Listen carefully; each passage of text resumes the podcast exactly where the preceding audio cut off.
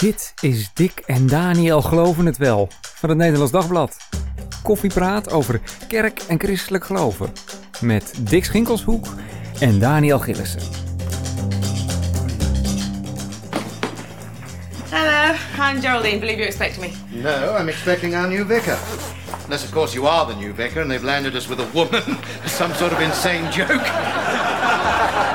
Oh dear. Oh, my God! You were expecting a bloke, beard, Bible, bad breath. Yes, that sort of thing. Yeah. Ja, leuk dat je luistert naar deze podcast. Wat je net hoorde was een eh, fragmentje uit de Britse comedyserie The Vicar of Dibley. Het is, eh, dat is een serie die al sinds 1992 tot vorig jaar heeft gelopen bij de BBC.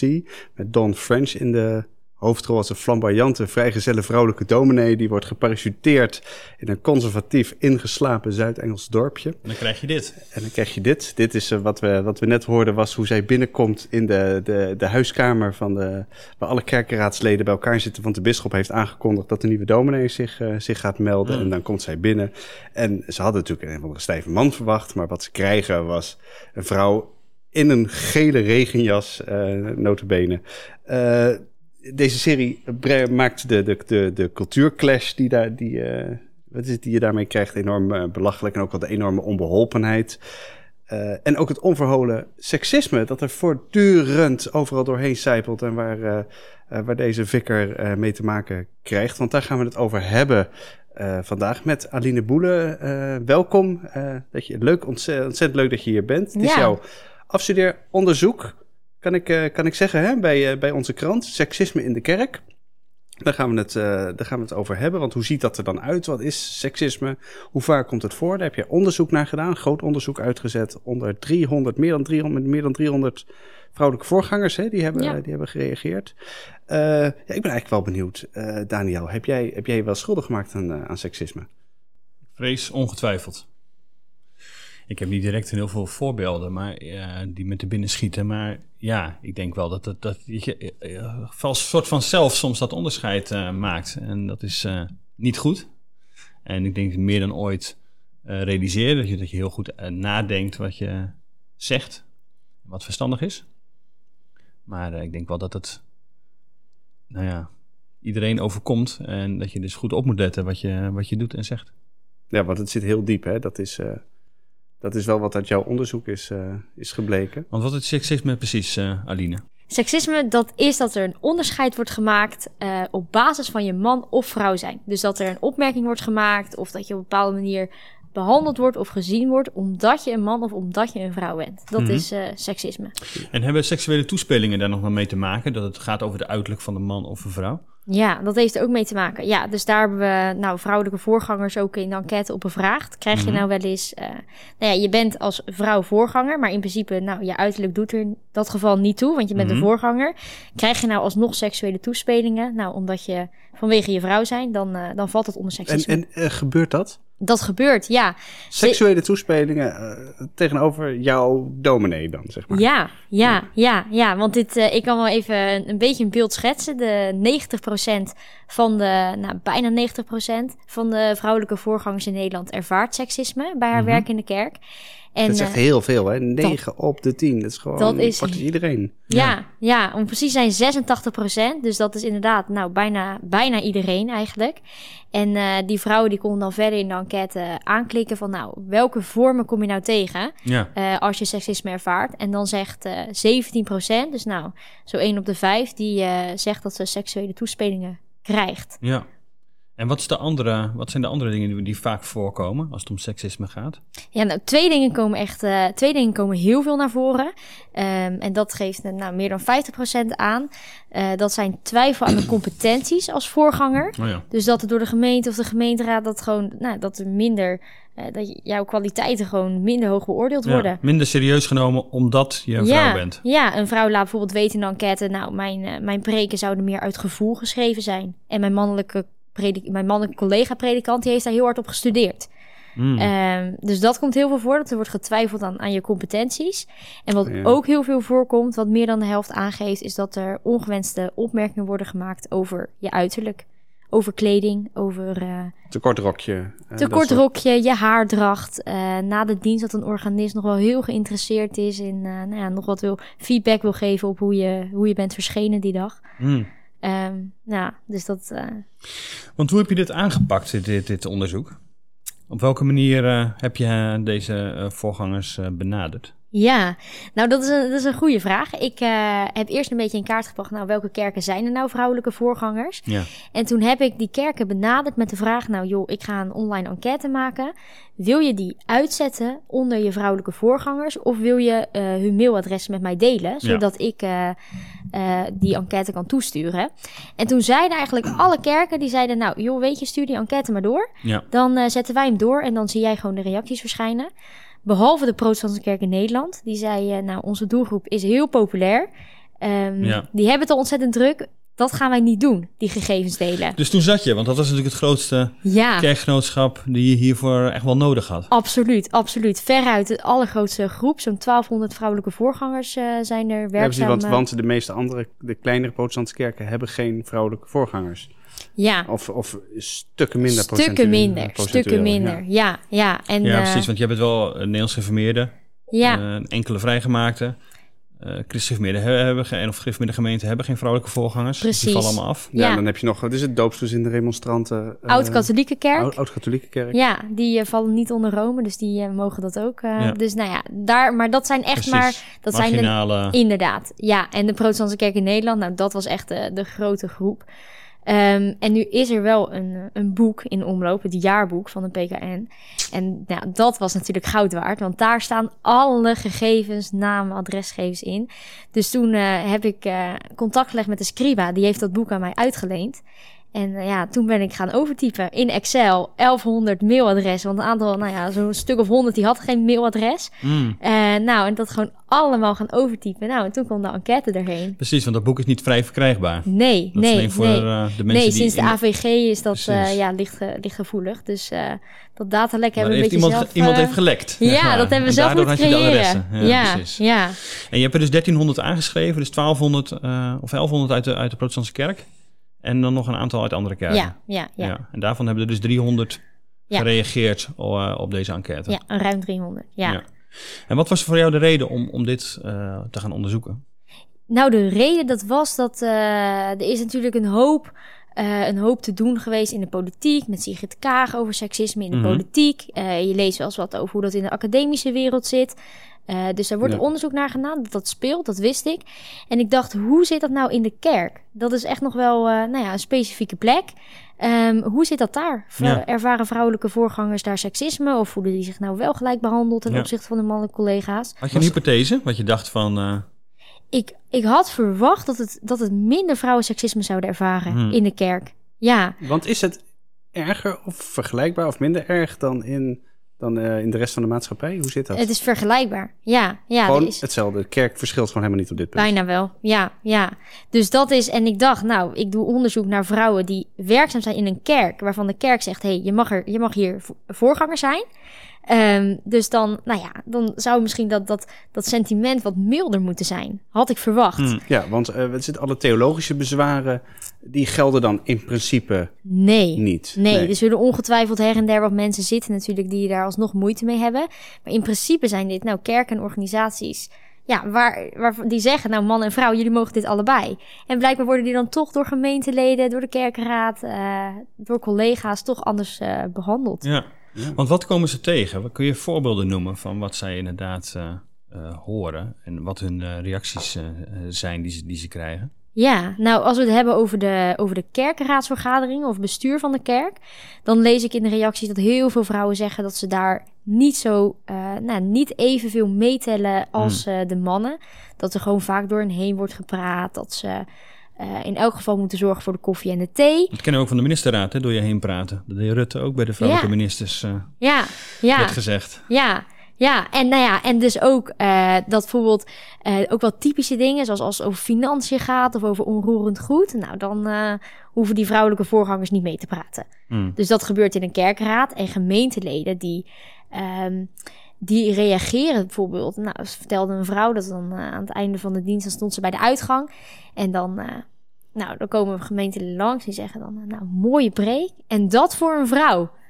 Zo van, Hmm. nou, hey, als, dat jij als vrouw ook een mooie preek, dat is zo extra bijzonder. Ja. Dus, Maar is dat ehm, dan, is dat, is, is het dan gewoon per, ongeluk of is, dat, of is dat gewoon gemeen? Is dat, is dat opzet? Hoe, hoe kijk je naar zo'n naar zo'n Ja, zo'n die- zo'n zinnetje, zo'n zo'n opmerking? Een ongelooflijk lompe opmerking, maar... Ja. Ja, ik weet natuurlijk niet. Zo'n opmerking kun je echt op, op verschillende manieren natuurlijk uitbrengen. Als dat kun je een soort van. Nou ja, misschien nog inderdaad lomp doen. Of het kan echt gemeen, gemeen uitpakken, zo'n opmerking. Mhm. Ehm, dus nou ja, op dat niveau weet ik natuurlijk niet hoe dat is eh, overgekomen. Maar ik heb wel eh, gevraagd aan de, alle vrouwen die die enquête invullen van joh, ehm, welke vorm van seksisme ervaar je? ja. Dan hebben we drie vormen, heb ik daarin, eh daarin eh onderscheiden. Onders Ja, onderscheiden. Onderscheiden. ja, precies, met dubbel ja. D. En eh, dat was dus een, eh, een, een welwillende vorm. Dus het kan zijn dat, je, dat, je, dat, dat mensen iets goed bedoeld eh, zeggen. Dus van... eh, Gewoon die, eh, die tip van eh, doe voortaan een langere rok aan of zo. Dat Ja. is goed bedoeld. Ja, maar het het is is- toch suf. Het is goed bedoeld inderdaad, maar het is, het is inderdaad toch suf. En het is, het is wel meer dan suf, want we weten uit het Amerikaans onderzoek... dat als je dat maar vaak genoeg krijgt, zo'n welwillende sexi- seksistische opmerking... dat het wel gaat knagen aan je zelfvertrouwen. Dus nou ja, dat Oké, is... dus niet onschuldig dus. Want dat Nee. geldt bij het andere natuurlijk ook. Het, wordt, het is een compliment, hè? Mooie, Mhm. mooie preek. Ja, Maar dat bijzinnetje. dat bijzinnetje maakt dat, je het, dat, dat dat compliment niet meer blijft Nee. hangen. Want dat, en dat voor een vrouw, dan denk je... oh, nou, als een man hem had gehouden, was het een matige preek. Maar voor mij als vrouw was het nog wel een mooie preek. Ja, precies. Hou het gewoon, zet een punt. Ja, Ja. ja. precies. Hou je mond inderdaad. Ja. Ja, maar dus ook een vijandige vorm van seksisme. Dat is dan een tweede variant. Mhm. Dat geeft ook eh 25% aan dat ze, dat ze dat ervaart. Dus dat is echt een, eh, nou ja, een openlijke vorm. eh, nou ja, dat je dus echt een predikant vertelde dat ze net was begonnen in een gemeente. En dat de gemeentelid naar haar toe kwam en zei: Nou, ze hebben jou vastgekozen op je uiterlijk. En zo van: Nou, verder, verder was er geen reden om voor Hmm. jou te kiezen. Hmm. Nou ja, dat is, dat is echt. Zulke opmerkingen zijn echt gemeen. ja. Dat zijn echt harde opmerkingen. En dan was er ook nog een, een derde vorm. Dat is dan de subtiele variant. En dat is, ehm, nou ja, dat is dat iemand onbewust jou anders behandelt vanwege jouw vrouw zijn. Dus je ziet bij die, Dat bij vind die, ik wel een moeilijke. ja, dat is ook een hele moeilijke. Want dat, en dat heeft dus heel erg te maken met, nou, je leeft ook in een maatschappij waar stereotypen heersen. Die zitten in je hoofd, die neem je ook mee naar de kerk. En dan, eh, nou ja, dan eh, nou, sluipt dat subtiele seksisme eh, dan toch eh, door. En dat ervaren een hoop eh, vrouwen. Kun je daar dan een voorbeeld van noemen? Dat is dan bijvoorbeeld vragen hoe je, hoe je het met de kinderen combineert of zo, terwijl je dat aan een man nooit zou doen, zoiets? Ja, bijvoorbeeld inderdaad. Want dat is een stereotype dat we hebben in Nederland. Nou, een vrouw, een vrouw is zorgzaam. Ehm, zorg voor het huishouden. Was bijvoorbeeld tijdens Ja. een, eh, een sollicitatiegesprek... dat dan eh, iemand van de beroepingscommissie zei... nou, ku- kunt u de strijk wel vergeten als u wordt gebeld plotseling met een pastorale vraag? De strijk De vergeten. strijk, ja, kun je dat wel loslaten op dat moment? Nou ja, dat is dus precies dat je denkt... nou, Hij dat, merkte aan zijn eigen vrouw blijkbaar dat het niet kon. nou ja, dat zegt inderdaad... zo. Misschien, Dat nog nooit een ja. overhemd gestreken. Ja, Ja, dus dat is, dat is op dat moment is helemaal niet gemeen bedoeld, maar dat is een soort van ter inventarisatie van, nou, je bent een vrouw, dus je, hè, je, je doet het huishouden en hoe doe je het dan met de kinderen en, eh, nou ja, En, Ja, eh, dus, ja. Want we hebben het nu telkens over mannen. Dat mannen lompe opmerkingen maken. Nou, mannen kunnen kunnen gruwelijk lomp zijn. Ja, Dick? Eh, ja, absoluut. Eh, daar hebben we het een andere keer nog wel over. Eh, eh, maar eh, hoe zit dat nou eigenlijk? Ik bedoel, Ik denk dat vrouwen zich net zo goed tegenover andere vrouwen schuldig kunnen maken aan, eh, aan seksisme. Heb je dat ook uitgezocht? nee, nee, nee. Ik heb niet uitgezocht inderdaad of dat nou die, eh, ik heb niet gevraagd, komt het nou echt door mannen of door vrouwen, maar ik heb in de, nou, heel veel voorbeelden gekregen Ja. en daarin eh, zijn wel steeds, eh, nou, de mannen die dan eh, seksistisch eh, benaderen, maar sorry. En ja, er alle zou ook ongetwijfeld vrouwen onderling kunnen ook echt venijnig zijn natuurlijk. Dus eh, Die, maar, alle, maar de mannen, nou ja, dat is dan blijkbaar het grote deel. eh. ja, de mannen, Ja. dat lijkt in dit onderzoek wel echt de boventoon te voeren. Ja, Ja. dat die... eh, En, en wat zegt de kerk hier nou over? Want ehm, eh, die geven deze, de vrouwen de mogelijkheid om, eh, om te werken in de kerk. En eh, ze krijgen, worden op deze manier benaderd door gemeenteleden, door kerkenraadsleden. Wat vindt de kerk ervan?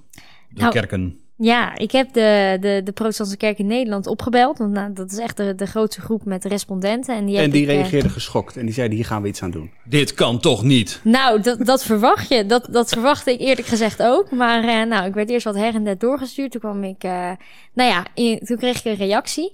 Ehm, en in die reactie schreef de protestantse kerk dat, eh, dat, het, nou, dat, ze het, dat ze het vervelend vinden, et cetera. Maar dat, eh, dat ze eigenlijk, ze kunnen niet iets doen. Want ik had zoiets van, nou, weet je, 9 op de Ja. 10. Dit zijn, eh, dit is, eh, moet je hier niet nu actie gaan ondernemen? Precies, dit zijn jullie mensen. Ja. Ja. Die, eh, Maar die ja. lijden. Ja, maar ik moest dat anders zien, want het waren geen werknemers per se van de Nou, PKN. nee, dan wordt het formalistisch opeens. Ja, en eh, nou ja, het punt was dus dat ze zeiden, en daar zit ook wel weer, dat, dat, dat vind ik, zit natuurlijk ook wel weer wat in, dat ze zeiden, nou, wij kunnen, het is heel lastig om nu tegen kerken te gaan zeggen, je moet hiermee aan de slag.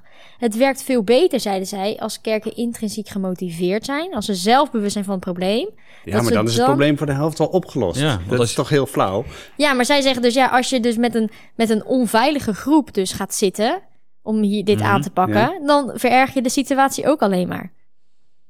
Ja, maar goed, maar ze kunnen toch gewoon... Wat is het, eh, ze kunnen nou bijvoorbeeld eh, mannelijke voorgangers eh, gebruiken om, om dit probleem eh, aan te kaarten. Ze kunnen hier, eh, ze kunnen de brochures over uitbrengen. Ze kunnen gemeenteadviseurs eh, de- wat is het, er- erop afsturen. Ze Het is kunnen de brochures. kerk om gewoon de mening te willen eh, aanpassen. Om mensen te willen helpen in hun denken. Dat zou dit toch een zeggen, goed voorbeeld bij kunnen zijn, zeg maar. Ik kreeg van alles in die, in die nieuwsbrieven. wat is het met, ik, ik denk eens hier aan, kijk eens daar naar. Nee, hier is echt de, de, de, ja, het moet echt dan van onderop komen, zeg maar. Dus zij, Hmm. nou, als een kerk, en dan is er ook wel, nou, dan zijn er wel wat tips op de website te vinden, et cetera. Eh, maar er gaat nu niet, eh, de kerk Geen gaat campagne niet, eh, gevoerd worden. Nee, nee, nou ja, misschien dat het nog komt, dat, dat zal me verrassen, maar Ja. ik heb het nog niet gehoord. En, en hoe reageren de vrouwelijke voorgangers zelf? Wat is hun reactie op, op dit alles? Ja, nou, dat heb ik, dat heb ik ze ook gevraagd. En ehm, heel veel vrouwen, de, nou, weer ruim de helft, 57% die zegt eigenlijk strijdlustig te worden daarvan. Hmm. Dus die zegt, nou, weet je, juist omdat ik dit meemaak, wil ik juist vechten voor een, eh, een gelijke behandeling. Ehm, dus nou, dat is, dat is, dat is eigenlijk eh, nou, dat is het, de- het grootste percentage. En daarna dan eh, heb je ook een groep van ruim 50% die zegt, het maakt me boos. Een kwart eh, zegt, het maakt me verdrietig. Eh, dus er Ja. komen negatieve, negatieve gevoelens, maakt het los. En dat is heel logisch, want dat wisten we uit eerder onderzoek eigenlijk. Ja, en hebben ze ook een soort gevoel dat ze uiteindelijk eh, dat ze weggepest worden? Nou, volgens mij niet. Er is een groepje van 5% die zegt, nou soms overweeg ik te stoppen vanwege Mhm. het seksisme. Mhm. Maar ja, dat, dat blijft dan dus bij overwegen te stoppen. ja, dan Ja. ben je het gewoon een keer zo gruwelijk zat. Dat denk ik, dat je denkt, hier hou ik ook een keer mee op. Ja. Ja. Maar het maakt ze wel onzeker over hun, eh, over hun werk. Ja, ja, en dat is dus dat, dat ik, eh, ik sprak dus iemand die totaal niks met kerk te maken heeft. Een, eh, Mhm. een hoogleraar uit Nijmegen. En die zei dus van ja, maar er lekt hier nu zoveel energie weg. Als je het even op organisatorisch Mhm. niveau bekijkt. Mhm. Ehm, dus ja, wat dat betreft zou je zeggen, nou, dat is ook zonde voor je organisatie. Want dit heeft wel. een Zonde in meer dan één eh, opzicht. Zonde, inderdaad, ja. Ja. ja. Maar Dick, ik was wel benieuwd, want jij, jij bent ook, eh, je, je, je begeeft je in de, nou, in de kerkenwereld. Kom jij dit nou wel eens tegen? Of heb jij, heb jij hier nou bij nader inzien eh, schuldig aan gemaakt? Nou ja, ik moet dan net als Daniel zeggen, waarschijnlijk, waarschijnlijk vast. Vooral aan dat, dat wat, wat dan uit jouw verhaal het meest bij mij blijft hangen, is dat, is dat subtiele. Ja, het gevoel van, is er niet ergens op een of andere manier dat je... Nou, want ik ben predikant geweest, dat ik de ene collega dan anders behandel dan de andere. Ik kan me dat niet, Mhm. ik kan me dat niet voorstellen. Ik zou, wat is het, argeloos zou ik zo zeggen, nee, maar dat, dat, eh, daar heb ik geen last van. Maar dat is vast niet waar. Eh, maar ik heb, ik heb, aan de andere kant, ik heb het wel gehoord. Zeg maar, ik heb ook wel, bedoel, ik was eh, dan, ik ben een man, ik, ik had predikant. Een aantal mensen zaten mee in de kerk die echt moeite hadden met, eh, met vrouwelijke voorgangers. En dat was, had geen geloofsmatige reden. Maar dat was meer vanuit een soort, ja, dat, dat zijn we niet zo gewend en een vrouw zou dat eigenlijk niet moeten doen. Mm. Ehm, wat mij betreft is dat, is dat seksisme. Ja. Ehm, maar ja, en verder, ik heb er daar ook verder niet nooit tegen, tegen opgetreden. In de zin dat ik dacht. eh, wat mij altijd wel opviel, dat ik had een kerkraad met, alleen, met mannen en vrouwen. Dan Ja. hebben we het natuurlijk over vrouwelijke kerkraadsleden, wat net iets anders is, denk ik. Dat, eh, dat mannen als vanzelf zich eh, eh, bij bepaalde onderwerpen opveren, zeg maar, en vrouwen bij andere onderwerpen opveren. En, eh, en dat mannen dan hun mond houden en op hun beurt, als het om de verbouwing van het, wat is het, van, de, van het zaaltje ging, vrouwen meer hun mond houden. Totdat het over de aankleding en type gordijnen ging. En ja, het is echt waar. Hmm. Ja, en dat is natuurlijk, dat zijn stereotypen waar mensen zich ook naar gedragen. Ja. maar ja, misschien is dat, is, is dat ook helemaal niet zo erg. Ik weet het niet. Hoe, hoe luister je? Heeft, dit- heeft dit jou veranderd? Heb jij, je hebt dit hele onderzoek naar meegemaakt. Daar ben ik ook wel benieuwd naar eigenlijk. Ben je anders gaan kijken? Heb jij, ben je dingen gaan zien die je daarvoor niet zag in de kerk? Mm, nou, ik, de- ik denk. Het heeft me denk ik niet heel erg veranderd in die zin. Het heeft me wel weer bewust gemaakt van een kerk. Dat is aan de ene kant, nou, dat is iets van God en een plek en een community. En er zitten heel veel mooie kanten aan. En aan de andere kant is het dus ook gewoon niks menselijks. Is een gemeentelid, een kerkraadslid. Blijkbaar zijn we dus, en dat vind ik dan wel weer jammer, dat ik denk, hé, hey, blijkbaar zijn we daarin dus gewoon hetzelfde als een samenleving. Terwijl je misschien juist daarin een voorbeeld zou willen zijn. Eh, dat je zegt, hé, hey, hier gaan we wel respectvol met iedereen om. Ehm, dus ja, dat is wel, ik, ik, ik had een soort van hoop dat het beter zou gaan in de kerk. En dat, eh, nou, daar ben ik wel een beetje, eh, nou ja, van teruggekomen. Ben je van teruggekomen? Ja. Ah, dat is wel weer een nare... Ja, maar dat kennen we wel een beetje als journalisten. Hè? Dan, ik heb dat in het verleden ook wel toen ik eh, bij Kerk eh, begon. eh, dat je denkt van inderdaad, je gaat over mooie dingen schrijven. En over, eh, er zijn dingen die, die misschien wel beter gaan in, in, eh, in de kerk. Het is een beetje illusie natuurlijk, maar eh, goed, dat, daar ga je er op die manier in. en dat het inderdaad tegenvalt. En dat je inderdaad ziet dat het hetzelfde manier eh, gaat. En ik heb er later ook met een andere collega's over gesproken. Dat, je er, eh, dat het kan tegenvallen. Dat het heftiger is eigenlijk op een of andere manier dat het in de kerk, eh, de manier waarop mensen met elkaar omgaan, dat het inderdaad hetzelfde is als in de maatschappij. En dat je Ja, denkt, hoe die kan boodschap dit in zo veel hoger is. Ja, Zeg maar, bedoel, ik bedoel, de maatschappij claimt, nou ja, de maatschappij claimt ook een behoorlijk hoge moraal zeker. te hebben. Ja. Eh, maar, goed, maar in de kerk, de kerk- is, die, en- is die nog veel hoger. Ja, en en wordt die moraal natuurlijk steeds ge- gepredikt Ja, ook. ja, ook hè? dat nog, dit is ja. de, de, hè, de- als de tien geboden klinken, dit is inderdaad waar wij voor, eh, voor staan. En dat dat niet op die manier terugkomt, eh, is wel extra pijnlijk natuurlijk. Kun je er niet een keer over preken, Dick? Eh, eh, eh, ik, ik hou je op de hoogte, goed. Hoe zou dat bij evangelische gaan, zit ik nu opeens te denken. Hè? Dan heb je natuurlijk veel voorgangers echtparen. Ja. Ja. Ik denk dat dat heel... Wat ik ervan weet, is dat het heel traditioneel vaak is, eh is op- Rolverdeling. opgedeeld. Ja. Dus de predikantsvrouw, zoals die dat in de vorm der kerk dan de, de voorzitter wordt van de, van de, van de vrouwenvereniging. Vereniging. ja, toch? Ja, en Zo hoort het misschien ook al bij vrouwelijke voorgangers, of bij eh, ja, voorgangers echtparen. eh, in, Dat zou op eh, zich nog eens een keer een, een, een leuk vervolgonderzoek zijn. Want je hebt, heb je in de protestantse kerk ook. Je hebt predikants-echtparen. Eh, natuurlijk, je hebt gewoon, van, de- gewoon een slimme, slimme kerkredmeester die al lang bedacht heeft. Dat, Ja. als je, dat het Twee meer voor de prijs van twee, één. twee voor de prijs van één, precies. Eh, hoe die zich, eh, hoe dat daar Ja, gaat. ja. Dat, eh, nou ja, ja. het is inderdaad interessant, want het idee daarachter, dat is het complementarisme. Dus dat, dat man en Hmm. vrouw elkaar aanvullen. En nou, Ja. dan heb je dus het beste leiderschap voor je kerk. Ehm, maar dan, dan heb je dus al wat aanvullen. Dus dan zit er blijkbaar, de een heeft het een, de ander heeft het ander. Dat is wel heel interessant inderdaad. Hoe traditioneel is dat? Of eh, wisselt dat per, per echtpaar? Ja, precies. Is het gewoon kijken passend naar wat, wat ligt jou en wat ligt mij en zo verdelen we het. En je krijgt nu ook, eh, heb ik gehoord, eh, de soort eh, de combi eh, ja, in één ouderling, maar dan man-vrouw. Eh, in de vrijgemaakte kerk komt dat blijkbaar eh, voor. Nou, dat, dat is ook weer een nieuwe ontwikkeling. Zou ook zomaar kunnen zijn dat dat doorzet en dat je dus veel meer als eh, dat man-vrouw samen eh, bepaalde taken op zich eh, gaan nemen.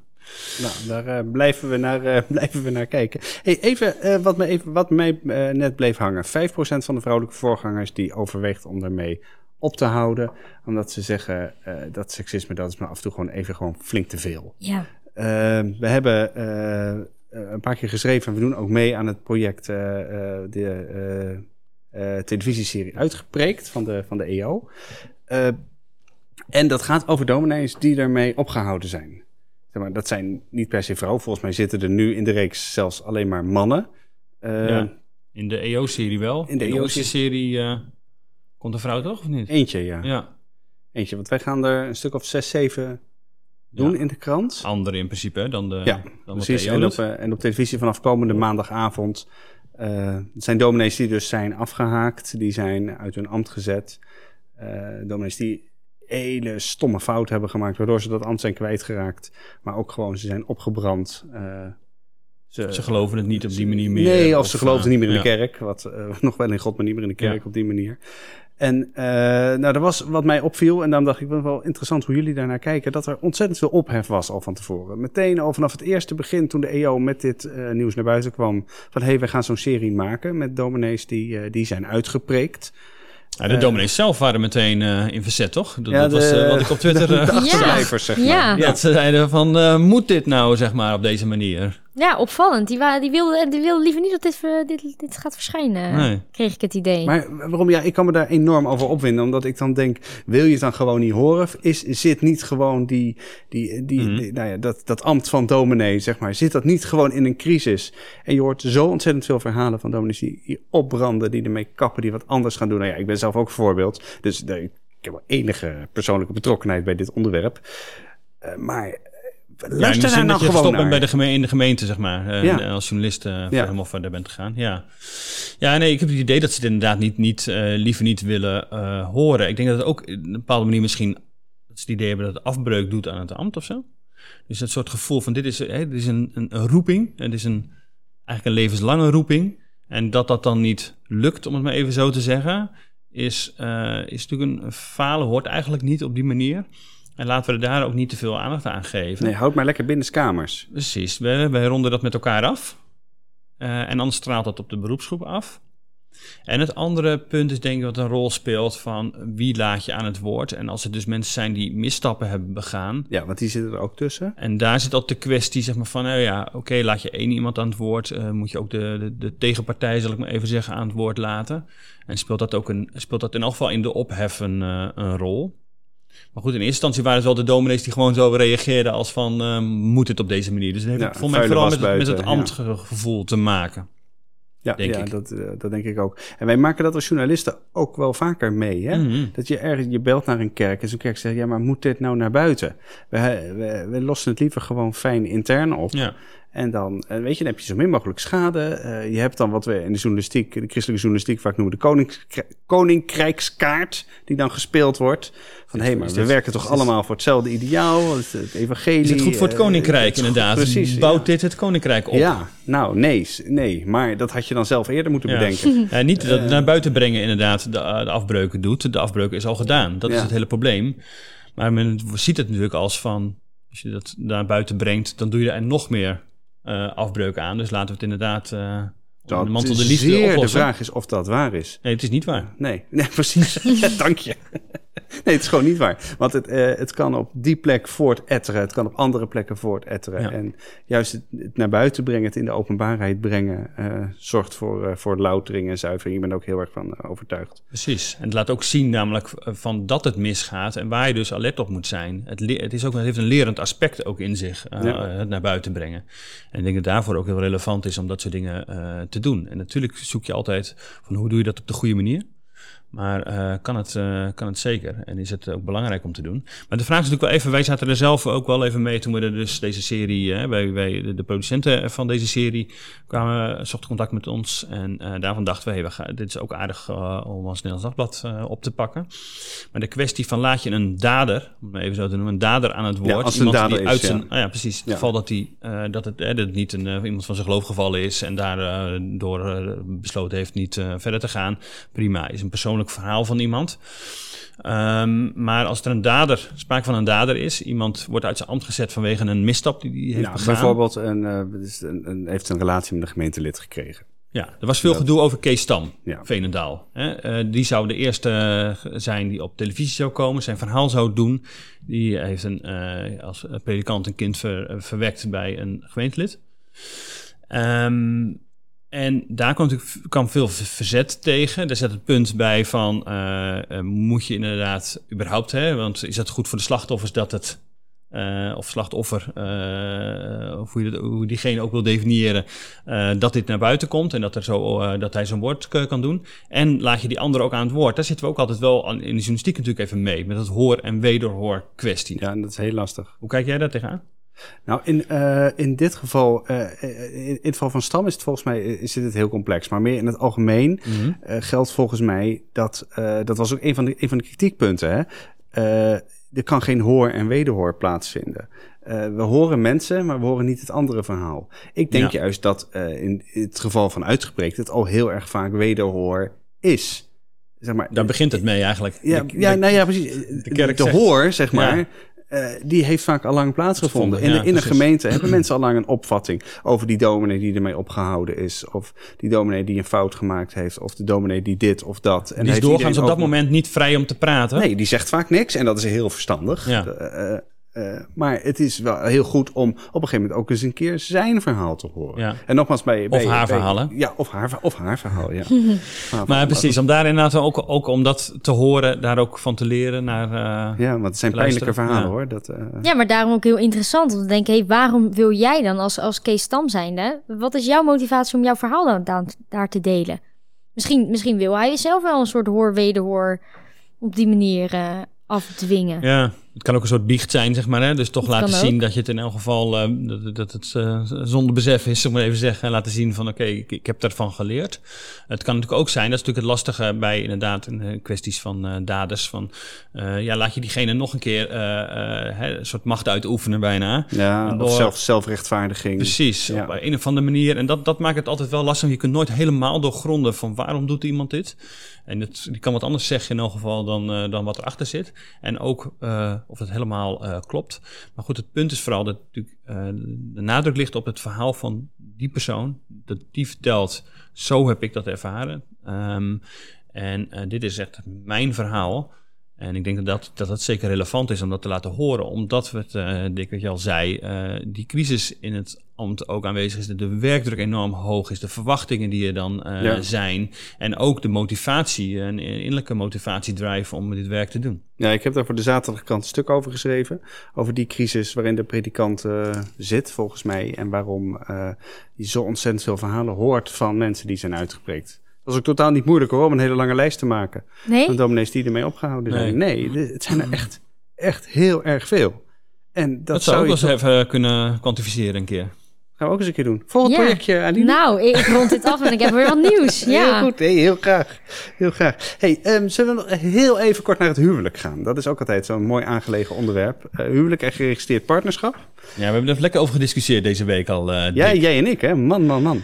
Want op een of andere manier, eh, de christgereformeerden, dat is even het punt, hè, even uitleggen. De christgereformeerde kerken, die hebben gepraat over het geregistreerd partnerschap. Kun je dat als een huwelijk zien en kun je eh, daar dus een huwelijksinzegening eh, aanbieden als kerk, zeg maar. En jij riep, why not? Ja, ik dacht van, oké, het is juridisch hetzelfde, Ja. Het is niet juridisch hetzelfde. vrijwel hetzelfde. Eh, je gaat het zo uitleggen dan maar. Ehm, het, is, eh, het is hetzelfde, het is, heeft een ander naampje. En er zijn gewoon mensen die met reden, of zonder reden, er nog voor, voor kiezen om niet een huwelijk aan te gaan, maar een geregistreerd partnerschap. En die willen graag de zegen van God over hun relatie. Dus kloppen ze bij de kerk aan. En de kerk zegt eh, nee, of in elk geval, laten we er eerst eens even over vergaderen natuurlijk. Zoals ze dat altijd mooi doen. Dat kunnen ze wel, hè? Ja. Eh, en jij zegt, het is logisch. Ja, ik zeg, je moet het helemaal niet doen. Maar eh, Aline, ik ben bij jou wel even nieuwsgierig. Jij gaat binnenkort trouwen. Ja, Waarom, waarom kies je niet voor een geregistreerd partnerschap? nou eerlijk, we hebben dat niet eens overwogen. Ik heb nog eens even opgezocht op de, bij de Rijksoverheid wat nou het verschil is. Ehm, het verschil is volgens mij dat je dus, eh, nou ja, bij een, eh, een scheiding en zonder kinderen, dan kun je zonder eh, rechter uit elkaar. Er vindt geen ja-woord plaats. Je viert geen bruiloft. Ik zat eigenlijk te denken, waarom, waarom kiezen mensen voor een geregistreerd partnerschap en niet, niet voor een huwelijk? Dan, mij bekroop een beetje het gevoel dat je dan iets meer rekening houdt met een scheiding zonder kinderen. En dat je denkt, nou, dan kunnen we in elk geval die, die rit naar de rechtbank, die kunnen we dan overslaan. Ik dacht, ga toch voor een huwelijk? Ja, Heel goed, ja. Nou, eh, moet ik nog meer zeggen, Dani? Gaat Nee, het voor maar een huwelijk? dat is, dat is het vaak zo omdraaien. Van, eh, wij, eh, het ligt niet, ligt niet, niet aan wij, dat wij, hè, de, de kerk, dat we dat niet willen. Jij hebt een verkeerde keuze gemaakt. Waarom kies je niet gewoon voor huwelijk? Dat is toch veel makkelijker. Dan kunnen we het ook inzegenen. hoeven we ook niet te discussiëren en te vergaderen. Ja, er, is, er zal reden zijn voor die mensen om dat te doen. En ze willen die relatie Ja, maar- daar een zegen over vragen. Dat Ja, maar ik vond het gek? toch een beetje, ik vond het een beetje lastig. Want ik las dus dat die, eh, die Peter Roosendaal, die had dus een voorbeeld genoemd van de Ja, die dominee eh, Ja. eh, Ja, in de CGK. Die noemde ja. een voorbeeld van dat een jong stel eh, besloot te gaan trouwen. En eh, dat ze een bedrijf hadden opgericht. En da- dat ze daarom dan zouden kiezen voor een geregistreerd partnerschap. Toen dacht ik, ja, maar je hebt, je hebt ook, dan heb je dus te maken, heb je te maken met partnerschapsvoorwaarden. Als je trouwt, ga je notaris voor je huwelijks. eh, Dus huwelijkse voorwaarden. Voorwaarden. Je kunt dat allemaal prima regelen. Ehm, dus ik, snap, ik snapte ook. Ik dacht, waar gaat het ook in die discussie bij de CGK nou precies om? Want dat kan bijna niet het punt zijn dat, het dan, dat, je, dat je mensen hebt die, die het in een huwelijk niet geregeld krijgen. Nee. je kunt alles goed, in een huwelijk Het regelen. punt, is, het punt is, het bestaat. Even, dus of het nou zinvol is om een geregistreerd partners- partnerschap aan te gaan... of dat je beter kunt trouwen, ik bedoel, dat is de, het issue niet. Het issue is, het is er. De overheid biedt deze mogelijkheid. En de vraag is aan de kerk, eh, spreek je daar een zegen over uit of niet? Nou, en dan zeg Nou, ik en dus... dan zeg jij, En dan zeg ik dus... zetten we daar een eh, punt. Dan mag jij het laatste woord hebben. Dat is goed, dat is goed. En dan zeg ik, nee, dat moet een kerk niet doen. Eh, om een aantal redenen. Kijk, de eerste is, eh, je mag, als je een geregistreerd partnerschap hebt, dan eh, kun je daar de zegen van God over vragen. Zo, zo zeg jij het ook. En daarvan denk ik, dat is prima. Je kunt over alle relaties die je hebt, wat mij betreft, de zegen van God vragen. Je kunt voor elkaar bidden, je kunt elkaar zegenen. Dat kunnen kerken doen, dat kunnen christenen individueel doen. Daar zit het probleem niet in. Het probleem zit hem volgens mij in het inzegenen, de kerkelijke huwelijksbevestiging. Dat is een woordje toch inzegenen. Nee, nee, zegenen. nee, nee, nee, nee, nee. En dat, ik ga jou uitleggen waarom. Ehm, kijk, goed, op, goed opletten. Nee, ehm, kijk, eh, er zijn een aantal redenen. Volgens mij, de, de redenen die, die Aline noemt, zijn er wat dat betreft heel erg belangrijk in. Dat we een, eh, kijk, kijk, andersom even beginnen. Je kunt natuurlijk zeggen, eh, wat is nou het verschil? Een geregistreerd partnerschap of een, of een huwelijk? Volgens mij is er wel degelijk een verschil. Namelijk, het verschil bestaat. De overheid zou geen twee vormen aanbieden als het feitelijk één vorm is. Dat, dat is het eerste. Bovendien is het zo, kijk, in de, de kerk mag, dat is een fout die ik de- deze week Mm. helaas heb gemaakt, dat ik had gezegd dat, eh, ik had geschreven in de krant dat een, eh, dat een kerk alleen een, een huwelijk mag, eh, mag inzegenen. Dat is dat van de overheid, hè. Dat is een van de weinige plekken in het wetboek van strafrecht waar de, waar de, waar de, waar de dominee voorkomt en de, en de priester. Eh, maar dat mag ook bij een geregistreerd partnerschap. Maar volgens mij moet een kerk dat niet doen, omdat een huwelijk meer is. Een, geregistreerd partnerschap is een soort huwelijk light. Het is een zakelijker, lichtere variant van het huwelijk. Om allerlei redenen kunnen mensen daarvoor kiezen. Er staan mensen wat mij betreft ook helemaal vrij in. Maar ik vind dat je als kerk gewoon dan zegt, oké, maar eh, wil, je, eh, wil je dat ingezegend hebben, dat kerkelijk bevestigd hebben, zeg maar, dus er komt een soort nieuwe, soort spirituele en sacramentele lijn komt daar zelfs bij, zeg maar, dat het een beeld is van de trouw van God voor mensen. Ja, maar als er in de tijd van de Bijbel al een geregistreerd partnerschap had bestaan, was dat misschien wel Nee, beeld de Bijbel nee. Ja, nee, maar de, dus, ja, wat, ja, wat als? Dat is niet zo heel relevant. Ehm, maar dat je als kerk dan gewoon zegt, oké, maar dat huwelijk is het complete plaatje. Zeg maar, je hebt ook een soort magerder variant, dat noemen we geregistreerd partnerschap. Maar wij, eh, wil je, eh, wil je dat ingezegend hebben, dan maak je van je geregistreerd partnerschap, maak je desnoods de dag ervoor, maak je een huwelijk. En dan ben je van harte welkom om dat huwelijk te laten inzegenen. Maar we gaan niet iets in de kerk een huwelijk noemen, dat buiten de kerk geen huwelijk wordt genoemd. Daar moet je niet aan beginnen, dat levert Nee, maar je hoeft verwarring geen op. huwelijk dus te Dat noemen. is- je, hoeft- je ja. noemt het dan inzegening van de relatie. Nee, want, je, want we zegenen een huwelijk in en we zegenen een relatie. Dat is de onderscheid dat in de protestantse kerk ook wordt gemaakt. Volgens mij is dat een heel goed onderscheid. Mm. En eh, als je getrouwd bent, zeg maar, dan eh, kun je daar een speciaal soort zegen voor krijgen. Zeg maar, waarbij eh, jouw huwelijk een beeld wordt van de relatie tussen Christus en zijn kerk. En op het moment dat je dat met een geregistreerd partnerschap zou doen, en mensen hebben de motivatie, ik kies voor een geregistreerd partnerschap en niet voor een huwelijk. Want bij een geregistreerd partnerschap kunnen we altijd nog makkelijker uit elkaar, weet je, daar heb je de rechter niet voor nodig. Dan, volgens mij strijdt dat met dat beeld van de eeuwige trouw van Christus aan zijn gemeente. Ja, nee, goed, natuurlijk. Maar dat, kan, eh, dat is de vraag natuurlijk of het dat is. En of dat de reden is om dat, eh, eh, deze stap niet te zetten en geen huwelijk aan te gaan. maar Tuurlijk, goed, als dat maar- een achterliggende reden is, dan kan je dat voorstellen. Maar Ja, ik zeg maar, als, maar als dat de achterliggende reden wel of niet is, maak, er- maak er gewoon een huwelijk van. Er, er is een onderscheid. Mensen kiezen ook voor een van beide. Dat is, ik bedoel, het is, niet, het is niet dat je ineens op een morgen wakker wordt en verrek, ik heb geregistreerd partnerschap. Dat doe je tamelijk bewust. Althans, laten we daar, laten we even van uitgaan dat het Hmm. gebeurt. Je kiest tamelijk bewust of voor een huwelijk of voor geregistreerd partnerschap. Nou, daar mogen ook dan consequenties aan zitten. Dus, ja. goed, ik zeg eh, koffie. dat lijkt me heel goed. We zetten er een punt achter. Zo, of heb jij, nog, eh, heb jij hier nog een waarneming over, eh, Aline? Ja, het, het is wel ingewikkeld, vind ik. Straks komt er nog een variant tussen het geregistreerd partnerschap en het huwelijk. Vast. Ja, Ja, je hebt ook nog samenlevingscontracten. die heb je ook nog. En de kerk, ja. Moet je kerk Zegenen, inzegenen. We kunnen hier wel een keer eh, een, een decollege over maken, over deze verschillen. Ja, Dat lijkt me een leuk idee. precies. Gaan we doen. Goeie.